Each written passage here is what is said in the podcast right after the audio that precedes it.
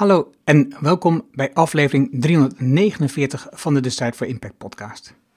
Wij leert van ondernemers en ondernemende mensen die bijzondere resultaten bereiken, welke besluiten ze genomen hebben om hier te komen, wat ze doen, de strategie en hoe ze klanten krijgen. Mijn naam is Erno Hanning en ik deel mijn opgedane kennis, ervaring en expertise met jou. Ik coach ondernemers zodat ze besluiten nemen om in impact te groeien. Vandaag het gesprek met Erlijn C. Erlijn is Global Corporate Partnership en Alliance Manager bij Ashoka, 's werelds grootste internationaal netwerk van sociale ondernemers. Zij heeft 15 jaar ervaring met het werken met multinationals en een equivalent aantal jaren ervaring in het opzetten en leiden van sociale ondernemingen, waaronder microkrediet voor moeders, Banking with the Poor Network en Credits for Communities. Ze is de auteur van Reimagining Financial Inclusion en co-auteur van het recent gepubliceerde boek Bloed, Zweet, maar Samen.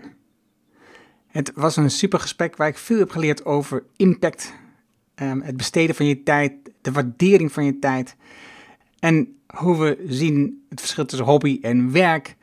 En niet het minste, maar ook inzicht over het financieren en mensen helpen met leningen die in het onderste deel van de piramide zitten. Laten we beginnen. Welkom bij Decide for Impact, de podcast waarin je leert van ondernemers en experts die een positieve, duurzame bijdrage leveren aan mens en omgeving. Met persoonlijke verhalen die je helpen om impactbesluiten te nemen voor jullie bedrijf. Dan nu, jouw business coach, Engel Halling. Welkom in een nieuwe podcastaflevering. Dit keer spreken we met Alain C. Welkom Alain in deze podcastaflevering. Leuk dat ik mag komen. Ja, en we hebben al voorgesprek gehad een keer. En ik weet dat we een heel leuk gesprek gaan hebben, omdat je gewoon een heel fijn mens bent. Dat heb ik al ervaren, dus dat is mooi, daar kijk ik naar uit.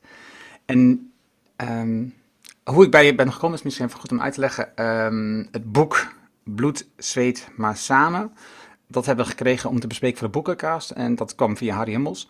En toen ik, uh, en het boek moeten we nog bespreken, maar toen ik dat, die achterkant las, toen zag ik jouw profiel. En toen dacht ik, ah, dat, is, dat lijkt me gaaf om met haar te praten, om daarvan te leren. Plus je bent een vrouw, dus dat is altijd fijn om meer vrouwen in een podcast te hebben voor mij. Dat is wat ik wil stimuleren. En je hebt ook nog um, buitenlandse roots. Dat is ook voor mij, dat denk, ja, dat wil ik gewoon, ik wil dat meer aandacht schenken. En dus niet witte mensen allemaal, dat is, die al genoeg in beeld komen wat mij betreft. En um, jij stelde net een vraag, want je zei, hè, die podcast elke week, dat uh, vraagt veel van je als mens, of het was eigenlijk geen vraag, het was een opmerking. En, ik, en als ik met mensen praat zoals met jou, denk ik hetzelfde. Weet je, jij hebt een bedrijf, je bent manager, je bent oprichter van een aantal stichtingen. Um, je bent ook nog een lid van een uh, board.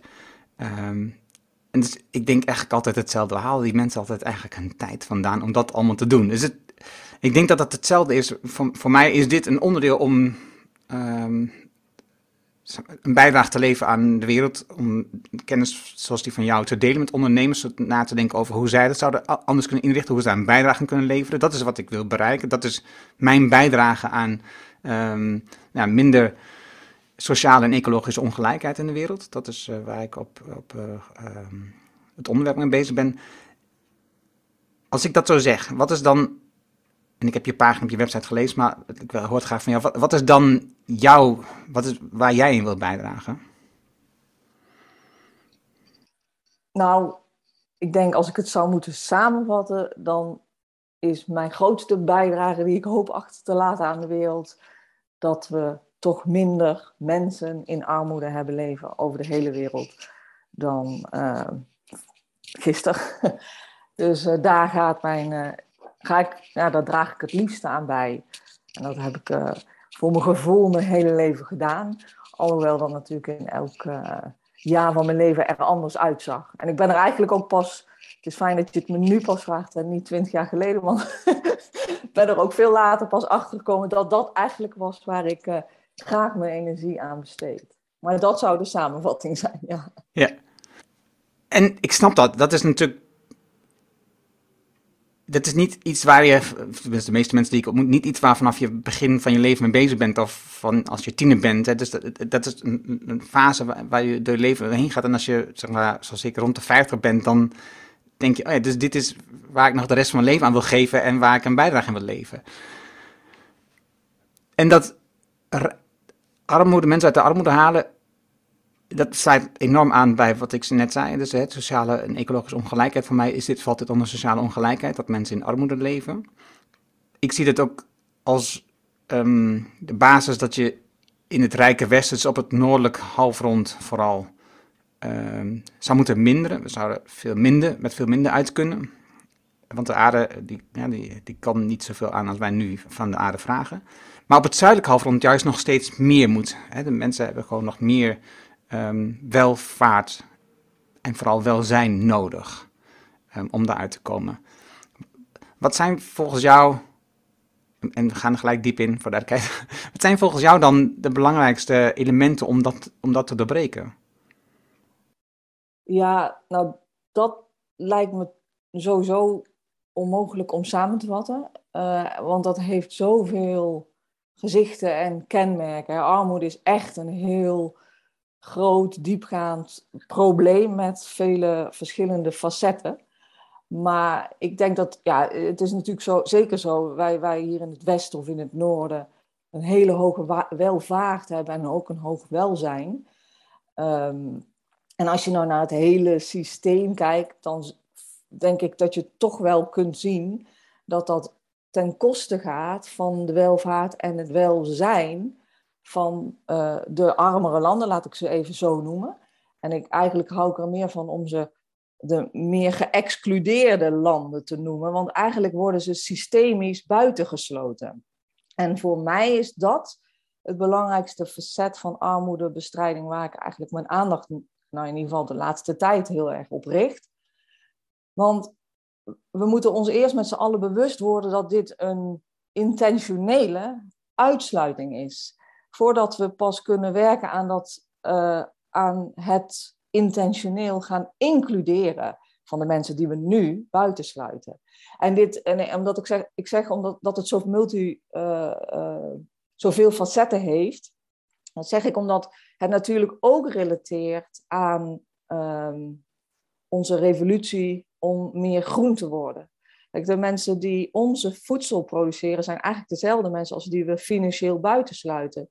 Dus als je mensen financieel buitensluit en eigenlijk dat ze amper genoeg inkomen kunnen uh, genereren om hun eigen gezin te voeden, uh, denk maar niet dat ze dan duurzaam kunnen gaan boeren, om het te zeggen. En op die manier uh, is jouw en mijn voedsel is gelinkt aan het feit dat die niet verduurzaamd kan worden, doordat zij in armoede blijven leven.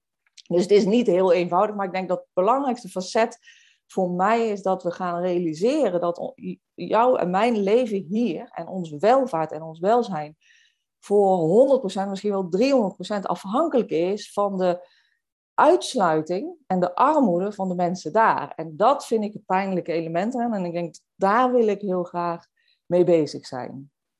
En proberen op te lossen, uiteraard. Dat kan ik natuurlijk nooit alleen, maar... Nee, nee, nee, dat snap ik. Dat is, het is niet iets wat je zeg maar, oké, eh, over een jaar is het opgelost. Hoe ziet die uitsluiting eruit? Nou ja, de uitsluiting, kijk, als je, het, als je het kijkt vanuit het leven van de mensen waarvan ik zeg, daar moeten we echt mee stoppen om die buiten te sluiten, dan zie je, en dan pak ik vaak het economische element, omdat dat ons allemaal toch het meeste, uh, we delen dat het meeste met elkaar. Als je kijkt naar de economische kant van hoe hun uitsluiting eruit ziet, dan zie je het leven van Malika, die kokosnoten verkoopt in Sri Lanka, ziet er zo uit dat zij, nou ze heeft geluk als ze haar, als ze al iets kan sparen, dat ze dat weg kan zetten bij, op een spaarrekening van een bank, een formele bank. Waarschijnlijk is het een microkredietinstantie. En als ze geluk heeft, zou ze daar al een kleine uh, uh, lening kunnen nemen als ze wat gespaard heeft om bijvoorbeeld een fiets te kopen, zodat ze haar omzet kan vergroten. En niet alleen de kokosnoten kan verkopen in de dorpen waar ze met de voet naartoe kan, maar in de tien dorpen eromheen, die ze dan vervolgens met die fiets bereiken kan. Je kunt je voorstellen dat als je haar die lening niet geeft, dus als ze die geen toegang heeft tot een lening, dat je haar ontzegt om haar omzet te laten groeien en ontzegt om haar inkomen te laten groeien. Dus dat is, een, dat is de meest makkelijke manier om te begrijpen hoe wij haar, doordat zij geen toegang heeft tot ons financiële systeem, haar buiten sluiten. Oké, oké, oké, stop, stop, stop, stop. Want waarom heeft zij geen toegang tot een lening? Ja, dat is een goede vraag. Uh, je kan je afvragen waarom uh, geen bank haar een lening wil verstrekken. Als je het de bank vraagt, dan hoor je iets in de trant van, ja, als we al die uh, miljarden, hè, we praten over de helft van de wereldbevolking, dus niet een klein onderdeel, het is eigenlijk de meerderheid van onze wereldbevolking. Maar goed, als we daar naartoe willen gaan om haar die lening aan te geven, wordt die lening te duur. Dan moeten we namelijk zoveel rente gaan vragen, dat die lening zo duur is dat ze die niet af kan betalen. En dan zit je een soort van klem. Oké, oké, want nog een keer uitleg, verdieping van jou. Want waarom wordt die lening dan duurder? Nou, als jij uh, uh, de arbeidskosten die een bank eigenlijk stopt in het verstrekken van leningen, worden hoger als die ook naar Malika in het dorpje uh, in Sri Lanka moeten gaan. Dus je kijkt naar de grootste banken in de wereld, uh, 80% daarvan heeft geen aanbiedingen in de armere dorpen in de, in de wereld. Dus die is, heeft geen presence, hoe zeg je dat in het Nederlands? Die zijn daar niet. Ja, in de, bank, in de, in de dorpen en, en slums, de sloppenwijken, waar deze miljarden Malika's wonen, daar zijn geen banken, daar zijn geen verzekeraars, daar zijn geen pensioenfondsen. En om daar te komen, moeten ze daar kantoren oprichten en mensen naartoe brengen en, en, en de infrastructuur aanleggen, om het zo maar te zeggen. En dat kost geld.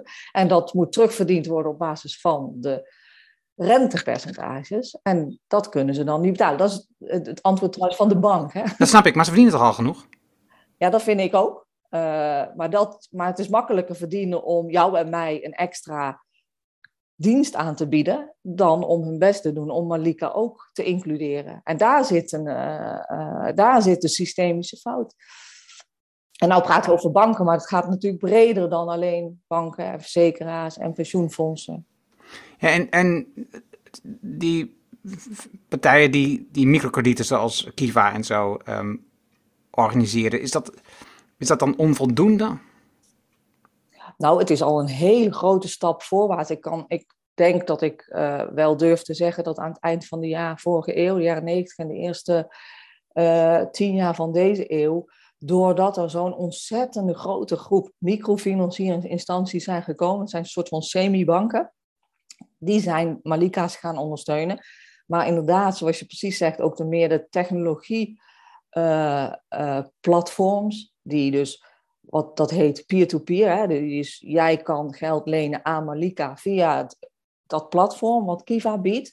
Uh, hebben enorm veranderingen al teweeg gebracht. Dus ons miljoenen Malika's hebben via die peer-to-peer platforms of die microfinancieringsinstanties inmiddels toegang gekregen tot kleine leningen en sparen. Dus dat is al een enorme vooruitgang.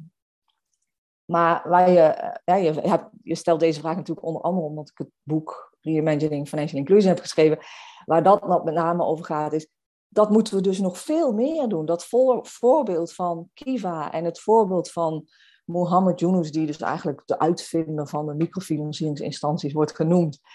Uh, die, dat zijn sociaal ondernemers, zo zou ik ze noemen. Uh, er zijn veel meer van dat soort sociaal ondernemers die diensten bieden voor Malika om niet buitengesloten te zijn, om haar te includeren. En dus we hebben zeker al stappen vooruit gemaakt. Ik ben best positief daarover. Maar we zijn er nog niet. En het lijkt, voor mij voelt het alsof het lijkt, oh, we hebben microkrediet, dus we zijn klaar. Maar we zijn nog lang niet klaar. We moeten echt nog veel meer ons best doen om ze echt serieus, volledig te includeren met alles wat jij en ik ook hebben. Hoe, vaak gebruik jij je creditcard? Heb jij een, een, een, um, mortgage? Hoe heet dat? hypotheek op je huis? Heb jij een pensioen opgebouwd? Het zijn allemaal dingen die, die het mogelijk maken dat jij je volle potentieel van jouw leven kan le leiden. Die heeft Malika nog steeds niet. Als je kijkt naar uh, banken, verzekeraars, partijen, is het lastig om hun te bewegen om daar een verandering in te maken? Ja, zou ik zeggen. Dat is lastig. Uh, het is, denk ik, er is een grotere verandering nodig. En daarom begon ik het gesprek ook met, we moeten met elkaar ons bewust worden van het feit dat wij intentioneel deze groep mensen buitensluiten. En waarom is het moeilijk voor banken en verzekeraars om dit hoger op hun agenda te zetten? Is omdat eigenlijk al hun klanten en nou, leveranciers waarmee zij werken het ook niet zo'n heel groot probleem vinden. Nou, je ziet nu toch ook wel dat er binnen de eh, klimaatbeweging ontzettend veel meer bedrijven het helemaal niet zo moeilijk vinden om meer zich in te zetten voor een beter klimaat. En waarom? Omdat ze nu ineens zien dat hun klanten en hun toeleveranciers en alle stakeholders om hun heen dit belangrijk vinden en zich realiseren, dit moet veranderen. Oh, en wij moeten daar ook aan bijdragen. Maar zolang we met elkaar het maar oké vinden dat de andere helft van de wereldbevolking niet financieel geïncludeerd is, gaan banken en verzekeraars ook niet bewegen. En wat ik ook, dit is trouwens een, een, een als ik mag, gebruik ik even deze gelegenheid. Ehm, ik denk dat financiële inclusie of het, het includeren van Malika Ehm, niet een zaak is van banken en verzekeraars alleen. Het is echt van ons allemaal. Het is ook bijvoorbeeld, elk bedrijf kan met een wereldwijde uh, toeleveringsketen, een supply chain, kan haar bijdrage leveren aan inclusie. Want als je gaat kijken waar de materialen vandaan komen, waar onze grote bedrijven hun producten van uh, produceren, dan zijn dat van dezelfde geëxcludeerde mensen. Dus ook die grote bedrijven kunnen hun verantwoordelijkheid nemen en deze mensen includeren door te zorgen dat ze goed betaald worden en dat ze, hè, nou ja, al die dingen die ik laat, uh, daarnet noemde, het hoeft niet per se een bank te zijn die haar toegang geeft tot, hè, die haar financieel includeert. Dat zijn ook andere bedrijven die haar producten kopen. En die bedrijven zeggen dan, ja, maar onze klanten vragen daar niet om. Ja, daarom kunnen we er ook, al, daarom is het ook moeten we er allemaal iets aan doen. En onszelf bewust worden. Kijk, als je eh, niet bij een bedrijf werkt, maar wel je producten bij bedrijven koopt, kan je al selectiever worden bij welke bedrijven je je producten koopt. En je, ja, ik, ik, ik hoop dat meer mensen zich ook met hun koopgedrag afvragen. Ehm, koop ik het nu van een bedrijf wat ook degene die het heeft gemaakt of die de ingrediënten heeft gegroeid op haar land, uh, netjes behandelt? Maar ehm, als je werkt bij een bedrijf, hoop ik dat je werkt voor een bedrijf. Of in ieder geval bezig gaat met: hey, doet mijn bedrijf eigenlijk wel netjes tegen de fabriek van wie we inkomen? En sterker nog, vragen wij aan, aan de fabriek waar wij inkopen wel of zij ook netjes zijn bij, tegen de mensen van wie zij hun spullen inkopen. Want eigenlijk wat we met elkaar een beetje in stand houden is, zodra het maar buiten mijn deur gebeurt, dan ben ik niet meer verantwoordelijk. En ik geloof dat dat inmiddels we al met z'n allen wel weten dat dat gewoon niet waar is. We zijn met, met elkaar verantwoordelijk voor deze wereld. Dus we moeten echt voor elkaar zorgen. Ook voor je buurvrouw, maar ook voor degene van wie jij je spullen inkoopt. Ja, en dus de, uit ons voorgesprek heb ik overgehouden. Dus ik zei, um, ik wil een bijdrage leveren aan het terugdringen van sociale en ecologische ongelijkheid. En daar voeg ik nu tegenwoordig aan toe, hier en daar. En dan leg ik uit wat dan hier en daar is. En dus dat helpt weer voor die bewustwording, denk ik. En ik, en zit, het, jij noemt het Malika en je noemt het over met die kokosnoten. Maar en ik zie het ook bijvoorbeeld met uh, palmolie. Weet je? Dus uh, in Indonesië wordt natuurlijk veel gebruikt op in, de, in, de, in, het oerwoud. Of met um, soja, wat vooral in het Zuid-Amerika veel gebeurt. Het ontbossen ook daarvan van het oerwoud om sojaproducten. Terwijl we halen dus het goede vet uit producten en we stoppen er palmolie in omdat het goedkoper is. En ik noem dat dan het verschil tussen um, gemak en eenvoud. Het is, we, zijn, we worden als mens verwend met gemak, um, verleid tot gemak, verslaafd gemaakt aan gemak door slimme tactieken van die bedrijven. En, daar zijn, voor daar zijn we zelf voorbij. Hè? Dus het is niet zo dat uh, ik dat allemaal bij hun neerleg, die schuld, maar daar zijn we zelf voorbij. Terwijl als je zou gaan voor eenvoud en iets meer nadenkt over de producten die je koopt, um, dan, dan wordt het al een stuk beter. Dat je, en, en dat, is, dat is werk. Dat je, eenvoud is niet eenvoudig. Het is niet zo van, dat doe je even, dan moet je tijd en aandacht besteden. Gemak is eenvoudig en dat, dan koop je gewoon je gevoel af. Hè? Dat, Het als je zegt, um, ik, in, ik, twee verschillen tussen gemak en eenvoud. Bijvoorbeeld, eenvoud is als je naar de buurtwinkel gaat of naar de, een, een, landwinkel gaat. En gemak is dat je uh, binnen 10 minuten met een snel um, dienst zeg maar, je producten aan huis laat bezorgen. Dat is een verschil. En het, natuurlijk is dat fijn dat je denkt, ik heb nu iets nodig en dat wordt nu geleverd. Flitsservice, zo heet dat, ja. maar goed is het niet. Dat, dat, weten we eigenlijk allemaal wel, want die, die bezorger wordt slecht betaald. We krijgen producten die niet de producten zijn die de beste zijn. Dus het, het, het is niet goed. Maar omdat we nu dat gemak hebben aangeleerd, vinden we het fijn. Ja, ja ik kan niet meer met je eens zijn. Dat is, dat is helemaal waar. En ik, vond, ik vind het ook een heel mooi onderscheid. En vooral omdat ik het, uh, wat, ik er, wat ik er heel erg uh, aan waardeer, is de nuance die erin zit. En ik denk dat het ook belangrijk is om te noemen dat er zit ontzettend veel nuance in hoe we zijn en handelen en communiceren. En, maar maar laten we bewust zijn dat dat ontzettend veel impact kan hebben. Uh, ook als één persoon. Want ik, en dat is een beetje. Ik heb het idee dat we met z'n allen zo'n groot ge, uh, gemak van leven hebben gecreëerd. En dat is, een, dat is, dat is fantastisch, hè? dat is een welvaart. Uh, maar dat we daardoor ook een beetje lui zijn geworden met uh, nadenken over wat nu echt heel belangrijk is in het leven voor ons allemaal. En, en ja, het is niet makkelijk. Hè? Ik zei net heel makkelijk, koop geen producten van een bedrijf wat mensen toch in een soort van moderne slavernij houdt. Hè? Uh, ja, hoe dan? En ik snap ook wel dat dat veel makkelijker gezegd is dan gedaan. En daar zit natuurlijk ook wel weer de nuance. Ja, dat vereist dat je wat kritischer wordt in je koopgedrag en dat je ook gaat uitzoeken. Want het is niet heel duidelijk hoe uh, goed, goed, bedrijven daarin uh, handelen. En dus of je het juiste product koopt of niet. Ik sta zelf, vind ik, boodschappen doen vreselijk, omdat ik altijd bij elk pakketje sta te kijken. En dan denk ik, ja, maar dat is dan, ja, dat is dan wel groen, maar het is dan weer niet fair trade. En oh, ik word er helemaal, en dan koop ik iets en dan staat dan heel, heeft mooie groene kleuren. En, en dan kijk ik thuis erop en dan denk ik, oh, maar dit is echt helemaal verkeerd. Het zit vol met palmolie en dingen, weet je. Dus ja, ik word er zelfs ook niet. En dan, en dan wil ik even snel een boodschapje doen in de buurtwinkel. dus het is die nuance, maar dat neemt niet weg dat ik wel een oproep doe om zoveel mogelijk proberen je rol te vinden, om daar wel je invloed in uit te oefenen als consument of op je werk. Of in hoe je, ik, ik gaf je net een compliment dat ik het zo knap vind hoe je dit soort onderwerpen onder de aandacht blijft brengen. Je kan allemaal je rol spelen en, en probeer vooral die hoek uit te zoeken waar jouw invloed het grootst is.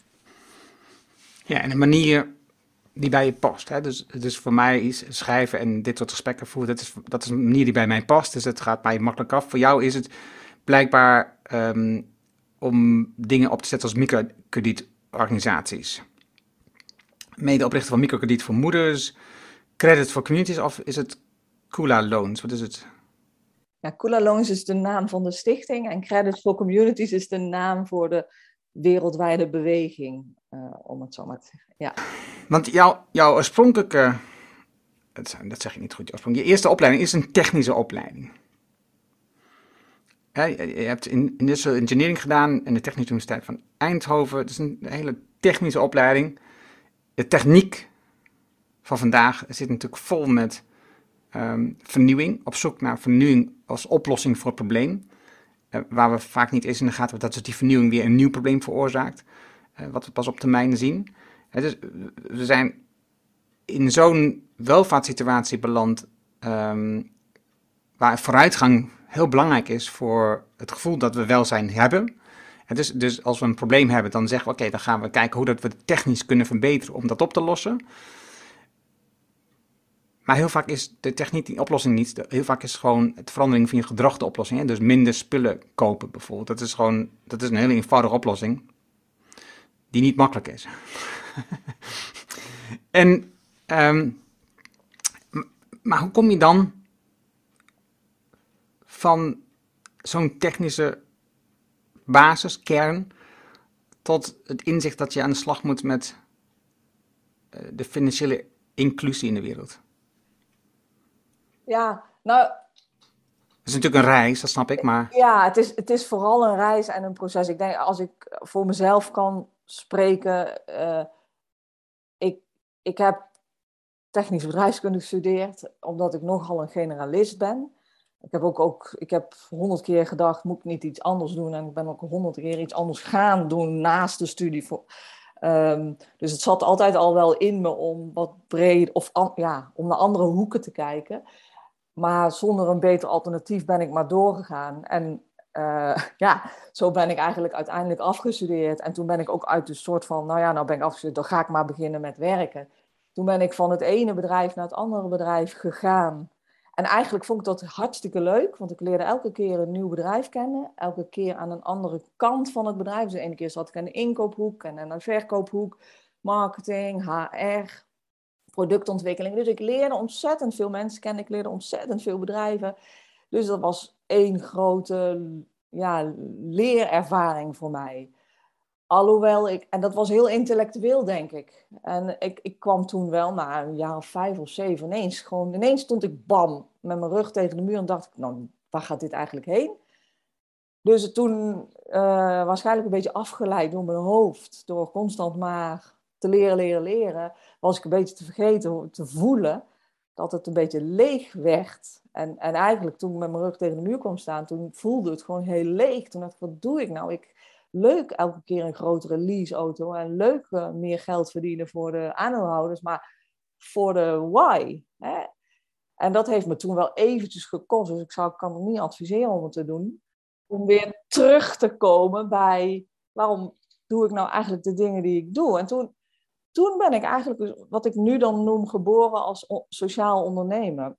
Toen was die term er nog helemaal niet. Maar toen heb ik dus Microkrediet voor Moeders als een stichting samen met Samantha opgezet. Was eigenlijk gewoon, weet je, laten we nou onze tijd, energie en netwerk en onze kennis eens een keer delen met mensen die, het, uh, die we gunnen dat ze net zo zelfredzaam zijn als wij. Dus toen zijn we eigenlijk door een lang, met een lange detour begonnen om vrouwen, zoals Samantha en ik dachten dan, in Azië, met een hele kleine lening. En daarom noem ik Malika altijd. Malika heeft mij geraakt, dus ik praat twintig jaar na datum nog steeds over Malika. Maar om mensen zoals Malika 50 euro te lenen, um, waarom niet geven? Nou, omdat wij dachten, dat maakt haar, geeft haar de eerste economische ervaringen van bijvoorbeeld hoort wat. En het vertrouwen dat zij dat eigenlijk hartstikke goed kan, uh, haar inkomen vergroten. En dus zo zijn we voor moeders begonnen om moeders, maar we verlenen ook uh, aan, aan, uh, aan vaders natuurlijk. Maar met het idee dat als je haar beter financieel includeert, als je haar gewoon includeert en ook dat zij dan weer beter voor haar kinderen kan zorgen. Dat was eigenlijk heel simpel. En dat, dat, dat werd een beetje een uit de hand gelopen hobby, want dat deden wij naast ons werk. Maar het effect wat het had op volgens mij ons allebei, maar laat ik gewoon voor mezelf spreken, was ontzettend uh, bijzonder. Want je ziet dat ineens heel veel mensen met jou mee gaan doen. Want iedereen wil dit dan ineens kennelijk. Dat wist ik ook niet. Dus wij hebben echt nu, 20 jaar na dato, nog steeds 30, 40 vrijwilligers die lopen dit te doen voor duizenden Malika's in Azië. En wij maken dus geen kosten hier. Alles gaat zeg maar naar uh, Malika's daar. En dat is eigenlijk me toen niet gerealiseerd, maar dat geeft zo'n goed gevoel. Het rechtstreeks helpen met jouw eigen kenniskunde, net whatever je wil geven. En dat was voor mij een soort van eye-opener, dat ik dacht, ah, maar hier zit dus de truc. Toen kreeg ik ook veel meer begrip voor waarom ik die opleiding had gedaan. Want het is natuurlijk niet per ongeluk een, een organisatie geworden die duizenden mensen per jaar helpt. Dat hebben we natuurlijk wel helpen groeien. En toen wist ik ineens weer, oh ja, dat was waarom ik bedrijfskunde wilde studeren. En waarom dit niet een per ongeluk een is geworden, maar gewoon nu echt wel een serieuze organisatie. Dus je vraagt, hoe is het zo gekomen dat je dat... Nou, zo is het eigenlijk gekomen. Maar toen ik de verslaving van het sociaal ondernemerschap eigenlijk had geproefd, min of meer naast mijn werk, uh, is het een soort van proces ingekikt waarin ik ook mijn werk steeds meer op die manier ging doen. Uh, en mensen vragen altijd naar een soort van aha-moment. Dat past er helemaal niet. Je gaat op een gegeven moment iets meer intuïtief, denk ik, te werken. Je gaat de dingen doen waarvan je denkt, het is belangrijk. En dan voel je, hey, dit is inderdaad belangrijk en hier heb ik zo ontzettend veel plezier aan. En daarmee gaan de activiteiten die je doet veranderen. Dus mijn werk is inmiddels natuurlijk, of niet natuurlijk, maar mijn werk is inmiddels helemaal veranderd naar volledig dat sociaal ondernemerschap ondersteunen, waarin iedereen zijn eigen ehm, verandering nastreeft die hij wil in, in het leven en daarmee anderen helpt. Het milieu, mensen, uh, hey, heeft zijn eigen passie of purpose, heet dat dan vandaag de dag. Maar zo is het dus inderdaad bij mij een beetje begonnen dat ik nu dit doe en, en, en dan ook, ook nog een boek heb geschreven. Ik bedoel, dat is niet helemaal mijn ding. kun je nagaan. Ik heb twee vragen hierover. Als je kijkt naar jouw Indonesische roots, wat is voor jouw gevoel, welke invloed hebben ze daarin gehad? Nou, ik denk dat die invloed uiteindelijk best heel groot is geweest. Uh, ik, ik zei net, heel veel mensen vragen wel eens van, wanneer had je dat aha-moment en ben je gaan doen wat je dan nu doet? Maar voor mij was dat niet een aha-moment. Er waren verschillende punten dat ik kan markeren van, oh, daar gebeurde er iets. En toen nam ik een paar beslissingen, niet helemaal wetende welke kant dat op ging, maar dat bleken hele fijne en goede beslissingen voor mij te zijn. En dat geldt eigenlijk ook, ik denk, eh, drie jaar geleden organiseerden we een workshop. En dat ging over hoe je uh, um, aan je eigen persoonlijkheid kan werken. Uh, om een meer impactvolle leider te worden. En, uh, en dat organiseerden we voor, voor sociaal ondernemers die bezig zijn met hele grote systemische veranderingen. En we zagen namelijk dat heel veel sociaal ondernemers die met grote sociale veranderingen bezig waren, eigenlijk één voor één omvallen, in een soort van burn-out terechtkomen. En we hebben dat gezien als een heel belangrijk probleem, want het zijn leiders van ons van vandaag de dag. En als die omvallen, dat is echt. Dus daar moesten, wij voelden dat we daarvoor moesten gaan zorgen. En om daarvoor te zorgen hadden we een workshop georganiseerd waarin je meer naar binnen gaat van wat zijn die blokkades, wat maakt dat jij over je eigen grens heen gaat en dan in een burn-out komt. En als je dat je realiseert, kan je eigenlijk een impactvolle leider blijven zonder om te vallen. Nou, dus in die workshop, die hebben we georganiseerd. En dan heb je eigenlijk het voordeel dat je ook zelf mee mag doen. En ik deed dus mee in die, in die workshop. En toen kwam ik eigenlijk tot de conclusie, want toen ging je heel diep graven naar wat drijft wat, jou, hè, wat je doet vandaag de dag. En toen ineens had ik een soort van lightbulb moment dat ik dacht, ja, maar voor mij is het dus heel erg die intergenerationele uh, ja, overerving die toch, mijn vader is in Indonesië geboren. En in, hij is al, toen ik heel jong was, en ook toen hij heel jong was, ik was 13, is hij overleden. Dus ik heb nooit als, dus ik heb nooit als volwassen persoon uh, met hem gesprekken gehad. Dus ik ben me nooit bewust geweest van het feit dat waarschijnlijk zijn armoede in de oorlog, toen hij heel jong was, hem toch heeft gevorm, uh, gevormd. Hij heeft een hele uh, uh, harde keuze voor zichzelf gemaakt om toen hij mocht studeren, die ene kans in zijn leven had om in, uh, uit Indonesië in Nederland te studeren. Toen mijn moeder tegenkwam, dat, toen heeft hij besloten, ik blijf hier, ik wil mijn kinderen hier in Nederland, in dit welvarende land, opvoeden en op laten groeien. Dat, met als consequentie dat hij zijn eigen gezin, hè, zijn moeder, zijn vader, zijn broers en zussen achterliet. Dat is best een, een heftige keuze.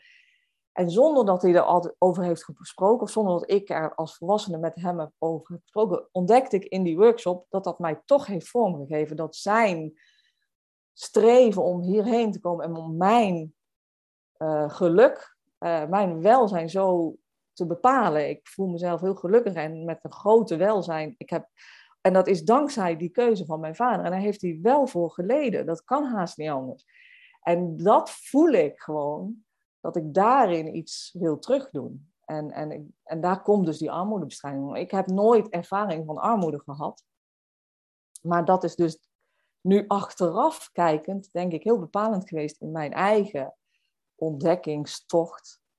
Ja, dat ik daar wil bijdragen, dat dat het belangrijkste is voor mij. En ik heb natuurlijk ook, omdat hij daar in Indonesië woonde, al op een hele jonge leeftijd uh, door Azië mogen reizen. Hij nam mijn ouders namen mij en mijn zussen naar Indonesië al op een jonge leeftijd. Dus je ziet al op een jonge leeftijd een hele andere culturele leefomgeving dan dat je gewend bent hier. En dat vormt je natuurlijk ook. Ja, zeker in die leeftijd. En als je naar die workshop kijkt, ik parkeer nog even die vraag die ik net al had voor dat andere ding. Maar als je kijkt naar die workshop, ehm, dan ben ik benieuwd, wat was eigenlijk de verandering die die ondernemers, die, die, die, die, zo'n, die een grote verandering teweeg wil brengen, wat is wat, wat is wat ze hebben doorgemaakt? Wat was zeg maar, de gemeenschappelijke daar? Waarom, eh, misschien allereerst de vraag, waarom, waarom ontstaat zo'n moment dat ze in een burn-out komen? Nou ja, het is natuurlijk voor ieder persoon een ander verhaal. Uh, maar als ik er probeer een gemene deler overheen te leggen, dan zie je wel, uh, op het moment dat je sociaal ondernemer wordt, dan ga je werken vanuit een passie en vanuit een, een energie dat je denkt, dit, dit wil ik veranderen. En, en daar is dus niks van een ander bij. Dat ben jij, volledig jij. En dus ga je daaraan werken. Maar dat betekent dat werken is volledig wie je bent. En dus dat is niet meer van 9 tot 5. En dat is heel vaak niet eens meer in een kantoor buiten je huis. En hele simpele dingen, want ik stap om half negen op mijn fiets en ben om kwart voor negen op kantoor en dan ga ik werken. Die een, een, een lichte, dus zowel tijd als afstand, die een lichte afstand geven van je werk. Uh, als je die weghaalt, dan zit je aan het ontbijt al te praten met je vrouw over wat je vandaag wil doen voor die verandering. En met je man. Um, en je stopt ook niet, je komt niet thuis van een kantoor, je, je, je, je doet s'avonds uh, belletjes en calls. Dus het, het hele integrale, wat een, een groot voordeel is, het integrale van werken aan iets waar je, wat je heel belangrijk vindt, houdt ook in dat je veel moeilijker je grenzen kan uh, bewaken. En moeilijker je grenzen bewaken is geen probleem, tenzij het te veel wordt. En je moet dus andere mechanismes leren te incorporeren in je dagelijkse leven om binnen de grenzen van je eigen energie te blijven. En dat is heel lastig. Vooral omdat vaak als je eh, op iets bent, met, met, eh, op een punt zit en je denkt, dit moet veranderen en dit is echt uh, hoe ik het voor me zie, dan ben je een visionaire leider waar heel veel mensen van denken, dat wil ik ook, ik doe met je mee en dan voel je je ontzettend verantwoordelijk voor de andere mensen. En dan, en, en dan is het heel moeilijk om nee te zeggen. Of sterker nog, je hebt soms het gevoel dat je nee zegt, terwijl je niet eens nee zegt, maar iemand anders een kans geeft om het zelf te mogen doen. En die grens, die is heel erg ingebakken in werk zoals wij dat vandaag de dag formuleren. Je gaat naar een bedrijf en dan heb je processen en elke afdeling doet een bepaald ding. En daardoor, en je hebt bazen die kunnen zeggen, je doet dat wel en je doet dat niet. Dus je bent eigenlijk in je werk redelijk beschermd van allerlei keuzes om te maken. Maar als je sociaal ondernemer bent en je wil een probleem in de wereld oplossen en niet zozeer een organisatie runnen, dan, heb je, dan is het alleen maar mensenwerk. En dat is, gaat alleen maar over energie en je energie bewaken. Daar heb je eigenlijk geen middelen voor. Er zijn geen bazen die zeggen wat je hier wel en niet moet doen. Er zijn geen afdelingen die dat aan wie je kunt vragen, doe dit of doe dat niet. Dus en dat leren is iets wat je als mens moet leren. En, uh, en daarvoor zo'n workshop. En um, ja, uh, eigenlijk hulpmiddelen om het in je dagelijkse leven, je eigen energiebeheer en je grenzen uh, te kunnen aangeven. En ik, we hebben het boek recent in de podcast, boekenkast behandeld over 4000 weken van Oliver Burkeman. Bergman. En um, daar wordt één element beschreven, want dat gaat vooral over hoe je je leven invult. Hè. Dus het 4000 weken, dat is, dat is ongeveer een mensenleven van 80, uh, 80 jaar. Een element die daarin noemt is een hobby. En, wat we tegenwoordig vaak doen is een hobby kiezen en ontdekken hoe we daar nog meer geld mee kunnen verdienen. En dat nog weer kan bijdragen aan bijvoorbeeld je eigen ontwikkeling. Dus als je ergens werkt, dan kies je een hobby die zegt, oh ja, daar kan ik weer van leren, dat draagt bij mijn ontwikkeling. Maar hij pleit daarin voor een hobby die juist niets oplevert. Die gewoon een hobby is en waar je gedachten in verzet. En hij noemt daarbij bijvoorbeeld van Rod Stewart, die um, met modeltreinen bezig is. He, dus dus uh, modelsportbanen. En dat is een hobby die natuurlijk voor zijn zang en muziek maken helemaal niets oplevert, maar hem wel enorm veel rust geeft. En ik denk dat dat een, een hele mooie stap is. En voor mij uh, zit daar nog ergens een grens. Ik ben een scheidsrechter bij het voetbal. En dat is in, elke, in principe elke zondag waarbij ik een wedstrijd heb. Daar moet ik voor trainen. Daar heb ik altijd gezegd, ja, dat is een soort, ik leer er ook van, weet je, ik leer er van leiderschap en ik leer er van uh, met commentaar omgaan. Um, dat is zo, en maar ik realiseer me nu naar dat boek ook wel van, eigenlijk gaat het er niet om. Het is ook gewoon een kwestie van op het moment dat ik met het spel bezig ben en die bal rolt, dat ik vooral net op die bal en die spelers omheen, wat er gebeurt. En daardoor eigenlijk alle andere aspecten waar ik mee bezig ben, eh, is geen ruimte meer mijn hoofd om over na te denken. Want ik, ik moet gewoon volledig geconcentreerd. Als ik niet geconcentreerd ben en tussendoor aan andere dingen denk, ja, dan heb ik een risico dat ik bijvoorbeeld een overtreding mis en daar dus heel veel uh, weerstand op krijg of meer overtreding op krijg. Dus dat is voor mij een hobby om juist mijn hoofd te verzetten, zeg maar. Dus dat is, helpt enorm. Dus, dus als je praat over zo'n workshop, en, en, daar, ik denk dat zo'n hobby zo'n een mooie stap is om, um, om eruit te komen. Dus nu ben ik benieuwd om daarop in te haken. Hoeveel tijd besteed jij nu aan deze, um, ja, die, die, die krediet? Uh, want je hebt dan twee organisaties opgericht. Hoe, hoeveel tijd zit daar van jou in? Hoeveel procent, laten we dan zo niet in de uren doen, maar hoeveel procent van je tijd?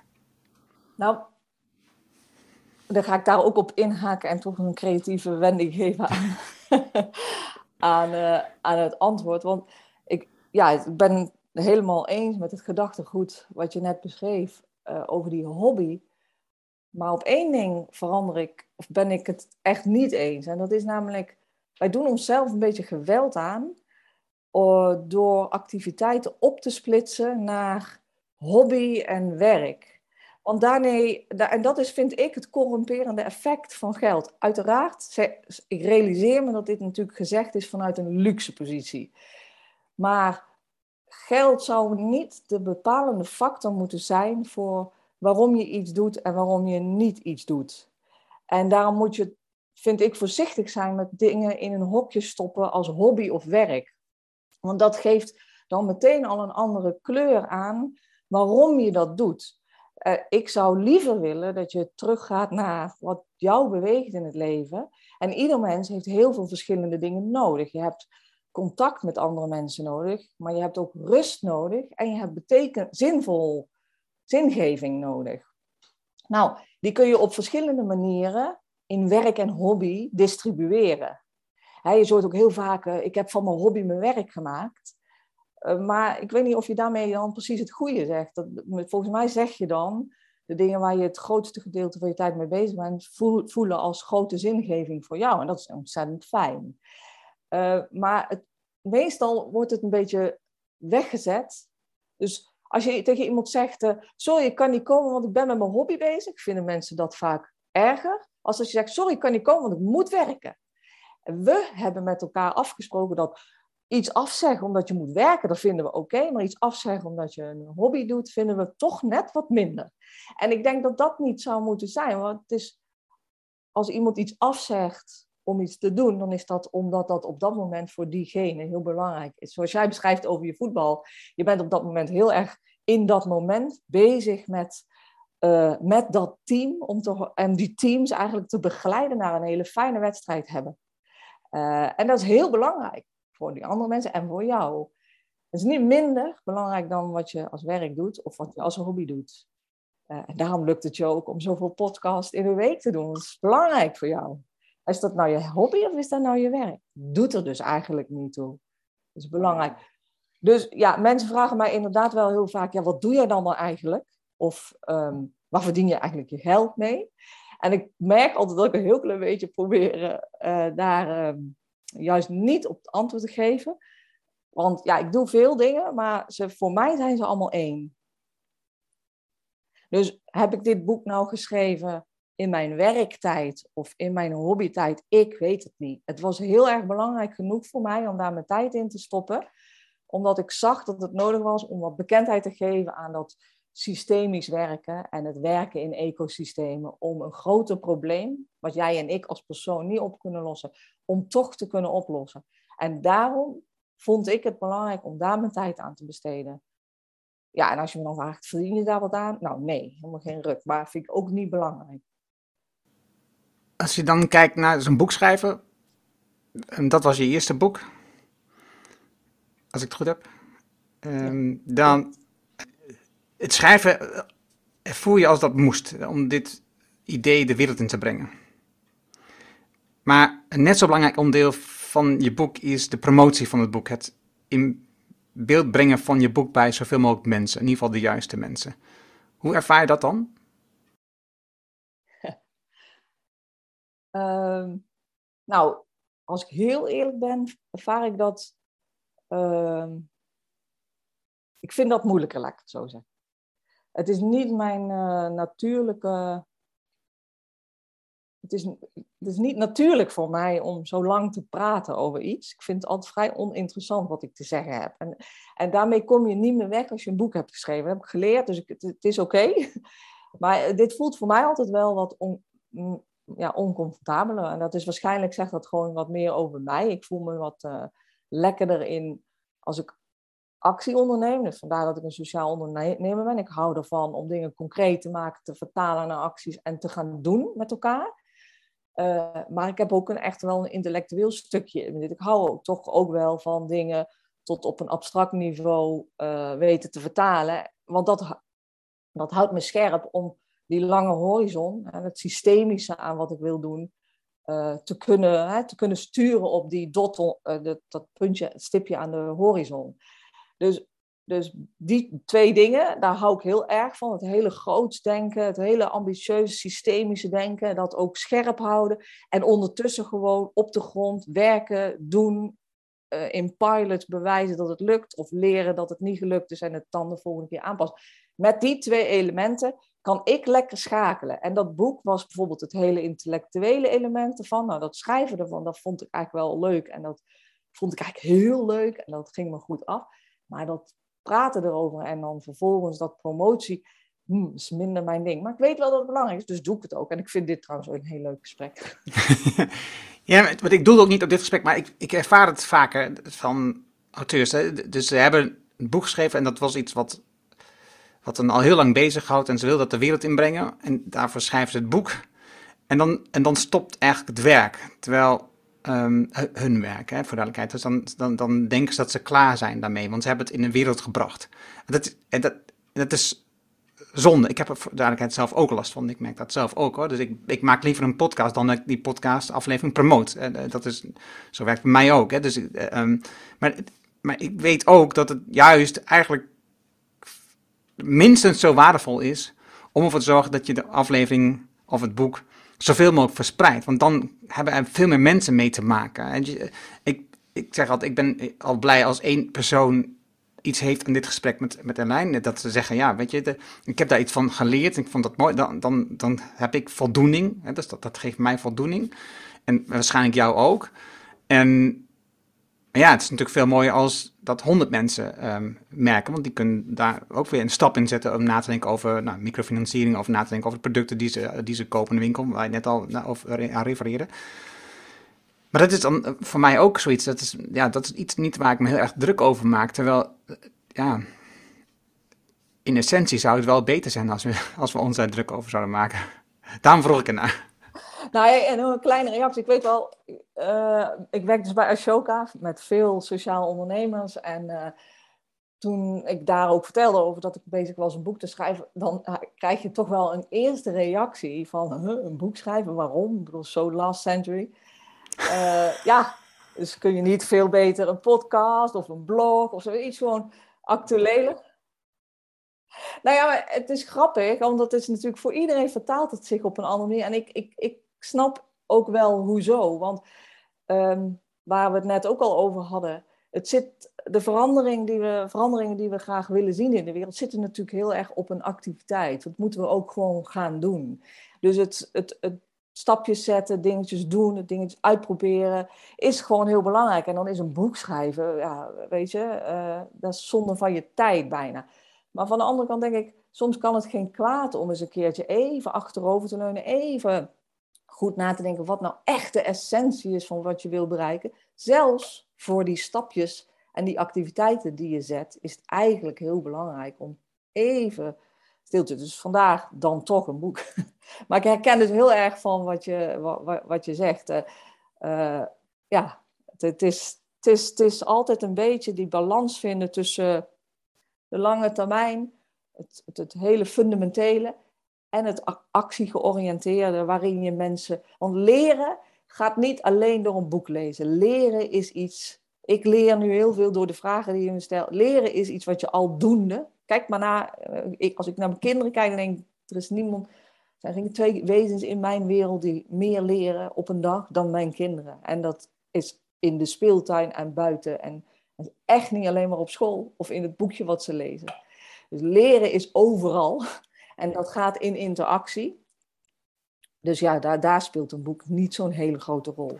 Nou ja, ik denk dat een boek ehm, in het leerproces van jezelf als auteur wel een heel grote rol speelt. Dus, dus ik denk dat het leerproces van een boek eh, het grootste is voor de auteur zelf. Ja, ja. En, en ik bedoel, ik lees graag. En de boeken die ik lees, dat zijn natuurlijk allemaal onderdeel van mijn leerproces. Maar ik geloof dat dat ja, maar een beperkt aantal boeken zijn die, die mij daar... eh, dus, dus het moet precies spot-on zijn, zeg maar, op jouw, op de lezers interesse. En de- op hetzelfde moment zijn als een lezer is in een proces. Ja, dat is allemaal, het is allemaal bepalend voor hoeveel een boek kan bijdragen aan iets. Ja. Ja, ja. Oké, Ashoka. Wat doen ze precies?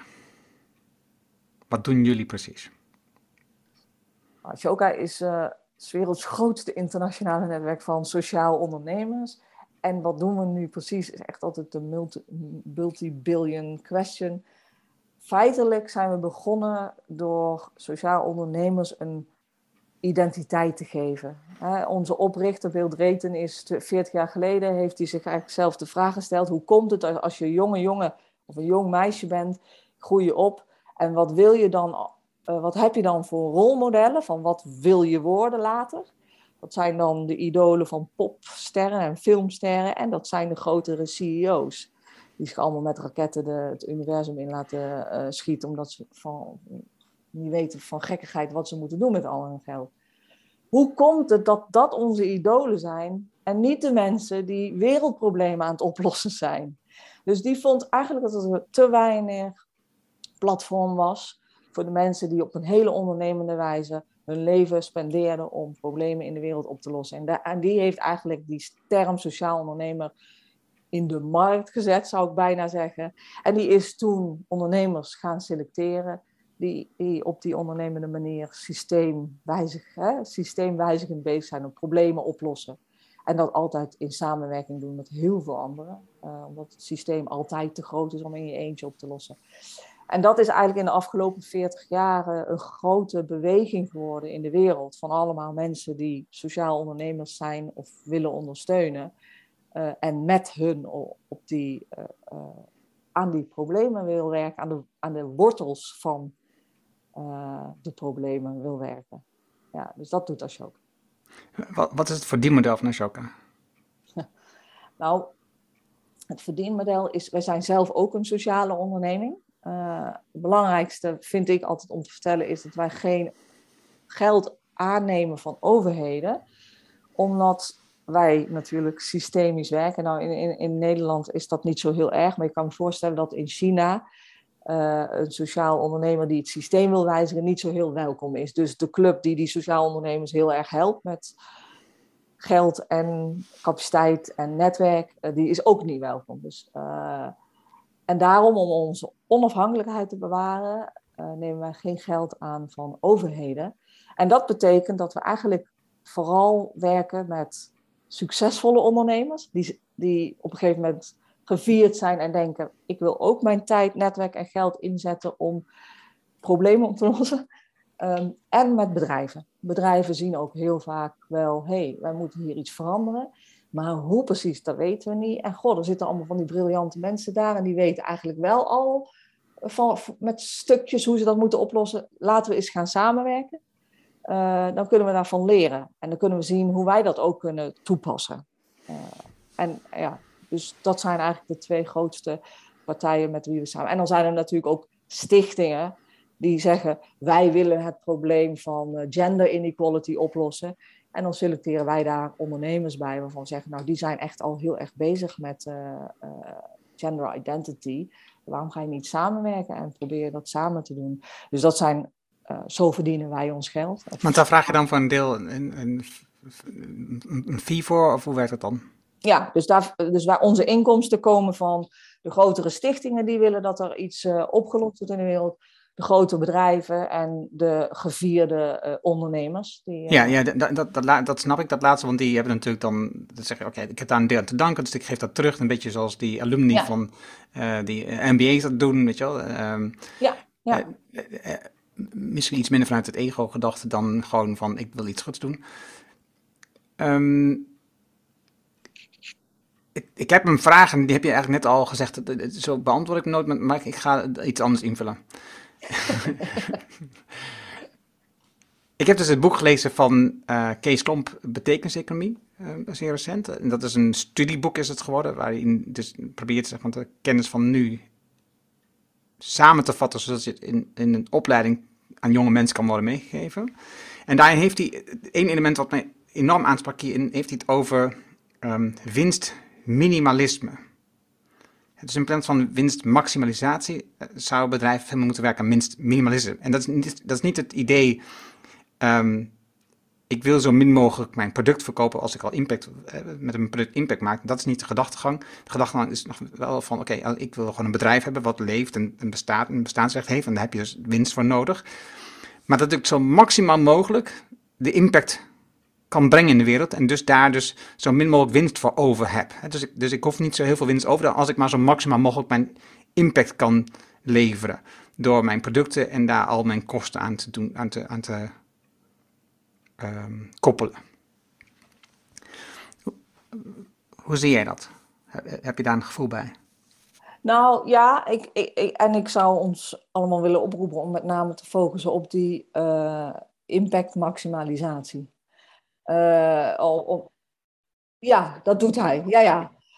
Um, en wat ik denk dat dat heel belangrijk is om met elkaar uh, uh, naar te streven. En ik denk dat er heel veel verschillende type organisaties aan het ontstaan zijn, waarin je ziet dat er verschillende balansen zitten tussen de impact die ze realiseren in de maatschappij en um, de winst die ze genereren. Ik, ik, ik zou best wel zo ver willen gaan als winst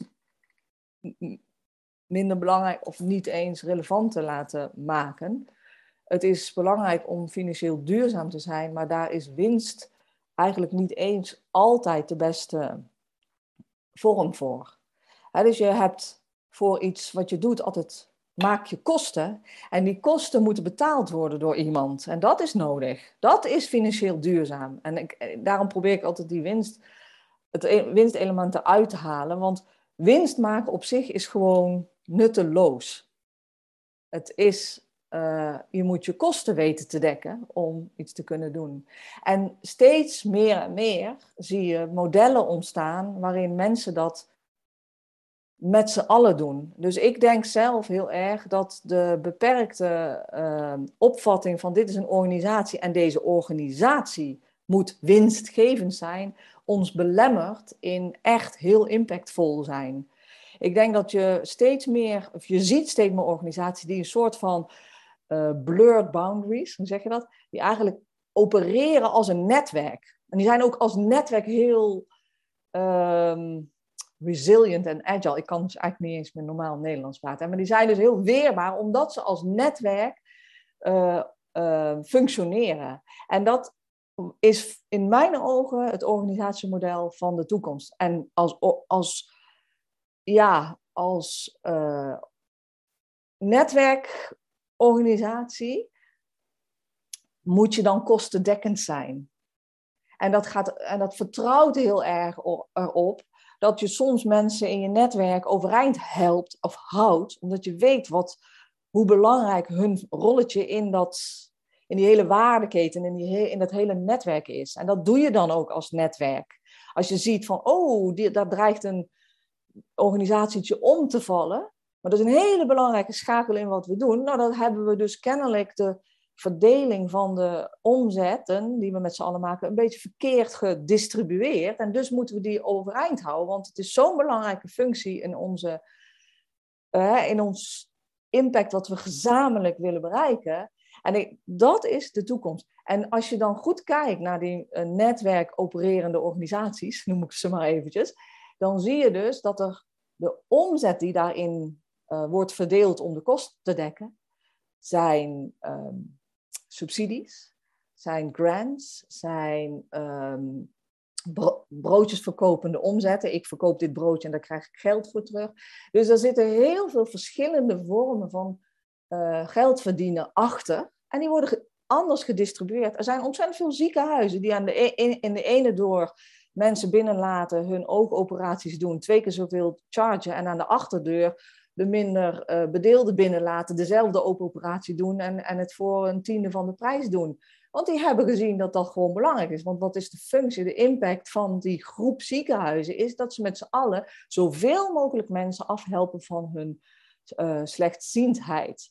En zij hebben gewoon gezegd, wij doen het anders. Degene, je betaalt er gewoon net zoveel voor als dat je betalen kan. En daarmee helpen wij zoveel mogelijk mensen. Dus heel anders denken dan wij moeten als één uh, oogziekenhuis winstgevend zijn. Dus een netwerk van ziekenhuizen die het op een andere, die elkaar cross-subsidiëren, heet dat dan heel mooi.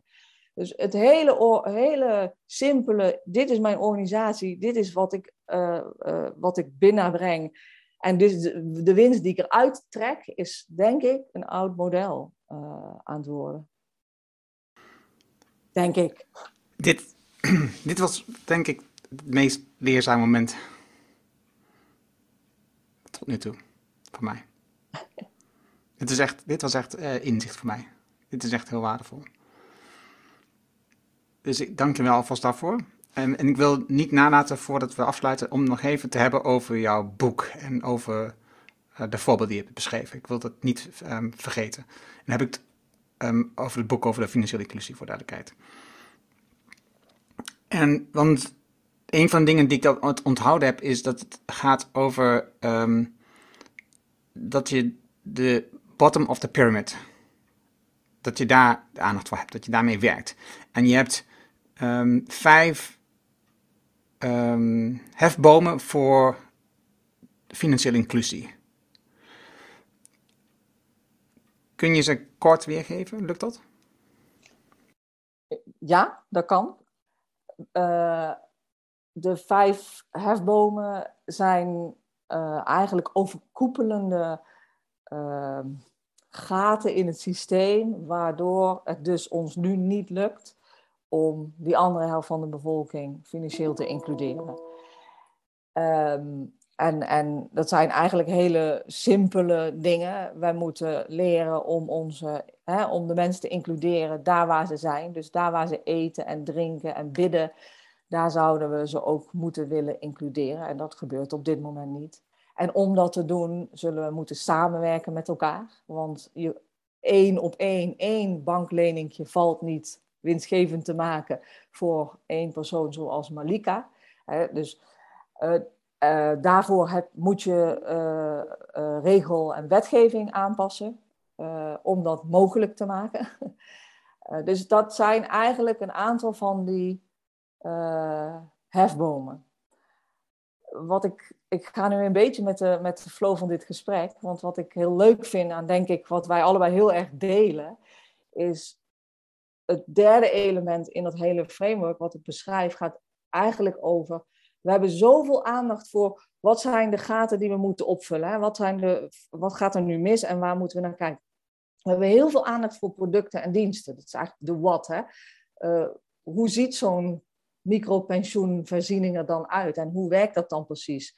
En dat is hartstikke goed en hartstikke mooi. Maar we hebben heel weinig aandacht voor de hoe. En ik denk, aangezien dat in ons gesprek ook zo naar voren komt, die hoe is echt de uh, uh, wat onze aandacht verdient. Daar zit, wat mij betreft, de parel in de oester. Want door, en daarom heb ik zoveel aandacht in het boek besteed aan hoe doen ze dat dan? Niet alleen waarom doen ze het, want het is heel belangrijk. En niet alleen wat doen ze dan? Want het lukt ze dus om micropensioenen te geven of om micro-mortgages te geven. Dat is fantastisch, dat is nog nooit gebeurd, maar hoe doen ze dat? Leuk om te leren.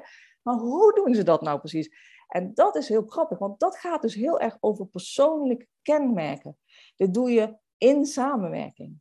Dit doe je met een blended business model. Dit doe je door ook te investeren in een soort van collectieve actie. Iets waarin je anderen meeneemt in alle leerervaringen die jij opdoet in jouw. Alleen maar omdat daarin het lukt om anderen te inspireren om het zelf ook anders te gaan doen. En daarin zit de systemische wijziging. Dus het hoe is wat mij betreft waar je vooral naar moet kijken. Uh, om met z'n allen naar een meer financieel uh, inclusievere samenleving te gaan. Je beschrijft daarin een aantal cases die eh, dan schetsen hoe, dat dan, hoe zij dat doen. Dus je hebt gewoon echt verhalen uit de praktijk om te laten zien hoe ze het doen. En voor mij, wat je net al beschreef, wat daarin een grote rol speelt, is juist die samenwerking tussen al die verschillende partijen. Dus het, het, samen doen met, uh, en dat zei je ook eerder in het gesprek al, met organisaties, maar ook met die banken, maar ook met bedrijven, maar ook met de lokale mensen. Weet je? En uh, dat is denk ik waar en jij zei het ook al, waar de crux zit. Het is de crux zit natuurlijk dat je ontdekt waar zit die samenwerking, hoe kan ik die organiseren en, en, hoe kan ik daar een bijdrage aan leveren. En dat, en dat merk ik ook dat dat in steeds meer gesprekken die ik nu heb naar voren komt, dat dat dus um, ja, steeds meer wordt opgepakt, maar ook steeds, steeds ja, belangrijker voor mij wordt ook. Dus dat vind ik mooi. Ja, ik, ik, ik denk gewoon een aantal van die kenmerken. Hè, dus dat je heel erg gecommitteerd bent aan een bepaalde missie. Uh, dat is één zo'n kenmerk. En dat geldt niet alleen voor zo'n organisatie, dat geldt juist voor de personen die ze selecteren, maar ook voor het hele netwerk waarin ze zitten. Dat je samenwerkt hè, is heel belangrijk, maar dat geldt, samenwerken is altijd veel makkelijker gezegd dan gedaan. Als organisatie is het al lastig, maar dat, dat samenwerking is niet een paar account managers in je organisatie. Nee, dat zit in DNA, dus iedereen in je organisatie werkt samen. Dat collectieve bewustzijn. Dat je dus kost soms ontzettend veel moeite om uh, lobby te doen. Maar soms is het zo belangrijk dat je dus gewoon, dat kan je niet vertegenwoordigen vanuit winst- en verliesrekeningen. Maar het is nodig, want als je, het zo, als je een jaar investeert om een collectief te uh, organiseren waarin alle partijen en misschien zelfs wel de grootste vijanden die het in jouw ogen verkeerd doen, als je die bij elkaar weet te brengen en een kijkje in jouw keuken geeft, zodat ze kunnen zien hoe jij het anders doet en dat ze zelf kunnen leren wat zij daarvan willen meenemen in hun business, is soms een vele slimmere tijdsinvestering dan het zelf willen doen. En ik denk dat dat is, uh, die kenmerken, dat, dat gaat heel erg in tegen je ego. En dat, dat helpt heel erg de eco. En daarvoor moeten we een aantal dingen afleren bijvoorbeeld niet praten over winstminimalisatie, want winst doet er niet toe. Het gaat over impactmaximalisatie. We zijn zo doordrenkt met dat soort uh, geldelijke mechanismes. We weten uh, dat we, en we moeten die, dat is eigenlijk wat we moeten afleren voordat we weer iets nieuws kunnen aanleren. En daarom zit voor mij die parel in die oester vooral in dat, in dat hoe hoe we als mensen samenwerken, hoe we als organisatie samen, hoe we nou echt werkelijk onze energie besteden aan dat wat werkelijk veranderd moet worden. Ja, wauw. Dat, dat, past natuurlijk uitstekend bij je nieuwste boek, uh, Bloedsmeet. Maar samen. ja. Oké, ik, ik, heb nog. ik kan nog echt zoveel vragen stellen, ook nu weer. Dat, um, maar ik rond hem af, want anders dan, uh, ja, dan weet ik niet hoe lang we dit nog kunnen doorvlogen. Ik ga, we gaan gewoon nog een keer een nieuw gesprek plannen wat mij betreft. Om uh, straks naar het boek, als ik het gelezen heb van Bloed uh, maar samen voor de boekenkast, om daar misschien een verdieping in te vinden op dat stuk. Om, alleen omdat ik denk dat het super belangrijk is dat met jouw inzichten, omdat je precies die woordkeuze zo cruciaal is. Hè, wat je net al even aanraakt, hè, winstminimisatie. Nee, je moet naar impact maximalisatie moet je over praten. Het zijn dingen, op het moment dat je het zegt, denk ik, oh ja, tuurlijk, dat is logisch. Maar op het moment dat, ik het zeg en praat over winstmaximalisatie, is dat de term die ik aanneem op dat moment. Hè. Dus het is, het is logisch, maar niet eenvoudig. Wauw. Het systemisch is natuurlijk ook zo allesomvattend. Dus ik, ik, we praten vast nog door. En het beeld wat ik nou heb, eh, als ik het nog even met je delen mag, is dat we kennen allemaal, volgens mij genieten we ook allemaal van zo'n zwerm vogeltjes, hè? Ja. die je soms ziet vliegen. Zo zijn we ook als mensen. Dat moeten we gewoon niet vergeten. We zijn een groep vogeltjes, maar we richten onszelf heel vaak op dat ene vogeltje, dat ik of jij. Terwijl we moeten weer even terug leren om zo'n groep vogeltjes te functioneren. En, en dat is ja, het beeld even wat ik kreeg doordat ik met je sprak. Dus ik denk, is misschien een aardige afsluiting mooi, dit gesprek. Mooi, mooi. Elaine, super dankjewel voor jouw inzichten en ideeën die je hebt gedeeld. En dankjewel daarvoor voor mezelf, maar ook alvast voor de luisteraar. Want ik weet zeker dat zij ook dingen uit gaan halen. Ik twijfel er een seconde over. Jouw boeken kun je vinden op je website elijnc.nl. En dat is E-R-L-I-J-N-S-I-E.nl voor de duidelijkheid. Uiteraard staat de link in de show notes, maar voor het geval je nu op de telefoon zit, kun je dat gewoon intypen. En nou ja, ehm, graag tot een volgende keer. Ja, hartstikke leuk. En dankjewel voor dit gesprek. Vond ik erg leuk. Dat was het mooie gesprek met Elaine. Je vindt de namen en links die we noemden in het artikel dat bij deze uitzending hoort. Ga daarvoor naar decideforimpact.com slash show 349. Wil je vanzelf automatisch de volgende aflevering van deze podcast op je telefoon ontvangen? Dat kan heel eenvoudig. Heb je een iPhone, dan zit daar standaard de Apple Podcast app op. Open die app, zoek de Decide for Impact podcast op en klik op abonneer. Oh ja, en je moet tegenwoordig een vinkje aanzetten dat je de aflevering ook wilt downloaden. Heb je een Android-telefoon, installeer dan bijvoorbeeld eerst de Player FM app. Open die app, zoek de Decide for Impact podcast op en klik op abonneer. Dankjewel hiervoor. Heb je een vraag, een opmerking, een reactie over deze aflevering met Elaine C. of over de podcast in het algemeen? Stuur dan een e-mail naar podcast.decideforimpact.com. Ik weet dan dat het over de podcast gaat. Ik hoor super graag van jou. Wil je leren hoe je ieder kwartaal 195 belangrijke acties realiseert? Wil je 7 tips hoe je uit de waan van de dag komt en de lange termijndoelen nu realiseert? Vraag dan het boek Impactbeslissingen voor een leider aan op decideforimpact.com. Dit is mijn nieuwste boek en je downloadt het daarom helemaal gratis. Je hebt zelfs geen e-mailadres nodig. Er is ook een Kindle en EPUB versie. Wil je de papieren versie van het boek? Dat kan ook. Je betaalt dan alleen de verzendkosten. Omdat het mijn nieuwste boek is, krijg je het gratis. Vraag het daarom nu aan. Je vraagt jouw boek nu aan op de site en ik weet je de volle agenda, je leest het in één avond tijd. Dankjewel voor het luisteren en graag tot de volgende. Dankjewel voor het luisteren naar deze aflevering van de Decide for Impact podcast. Ga voor jouw volgende stap naar decideforimpact.com.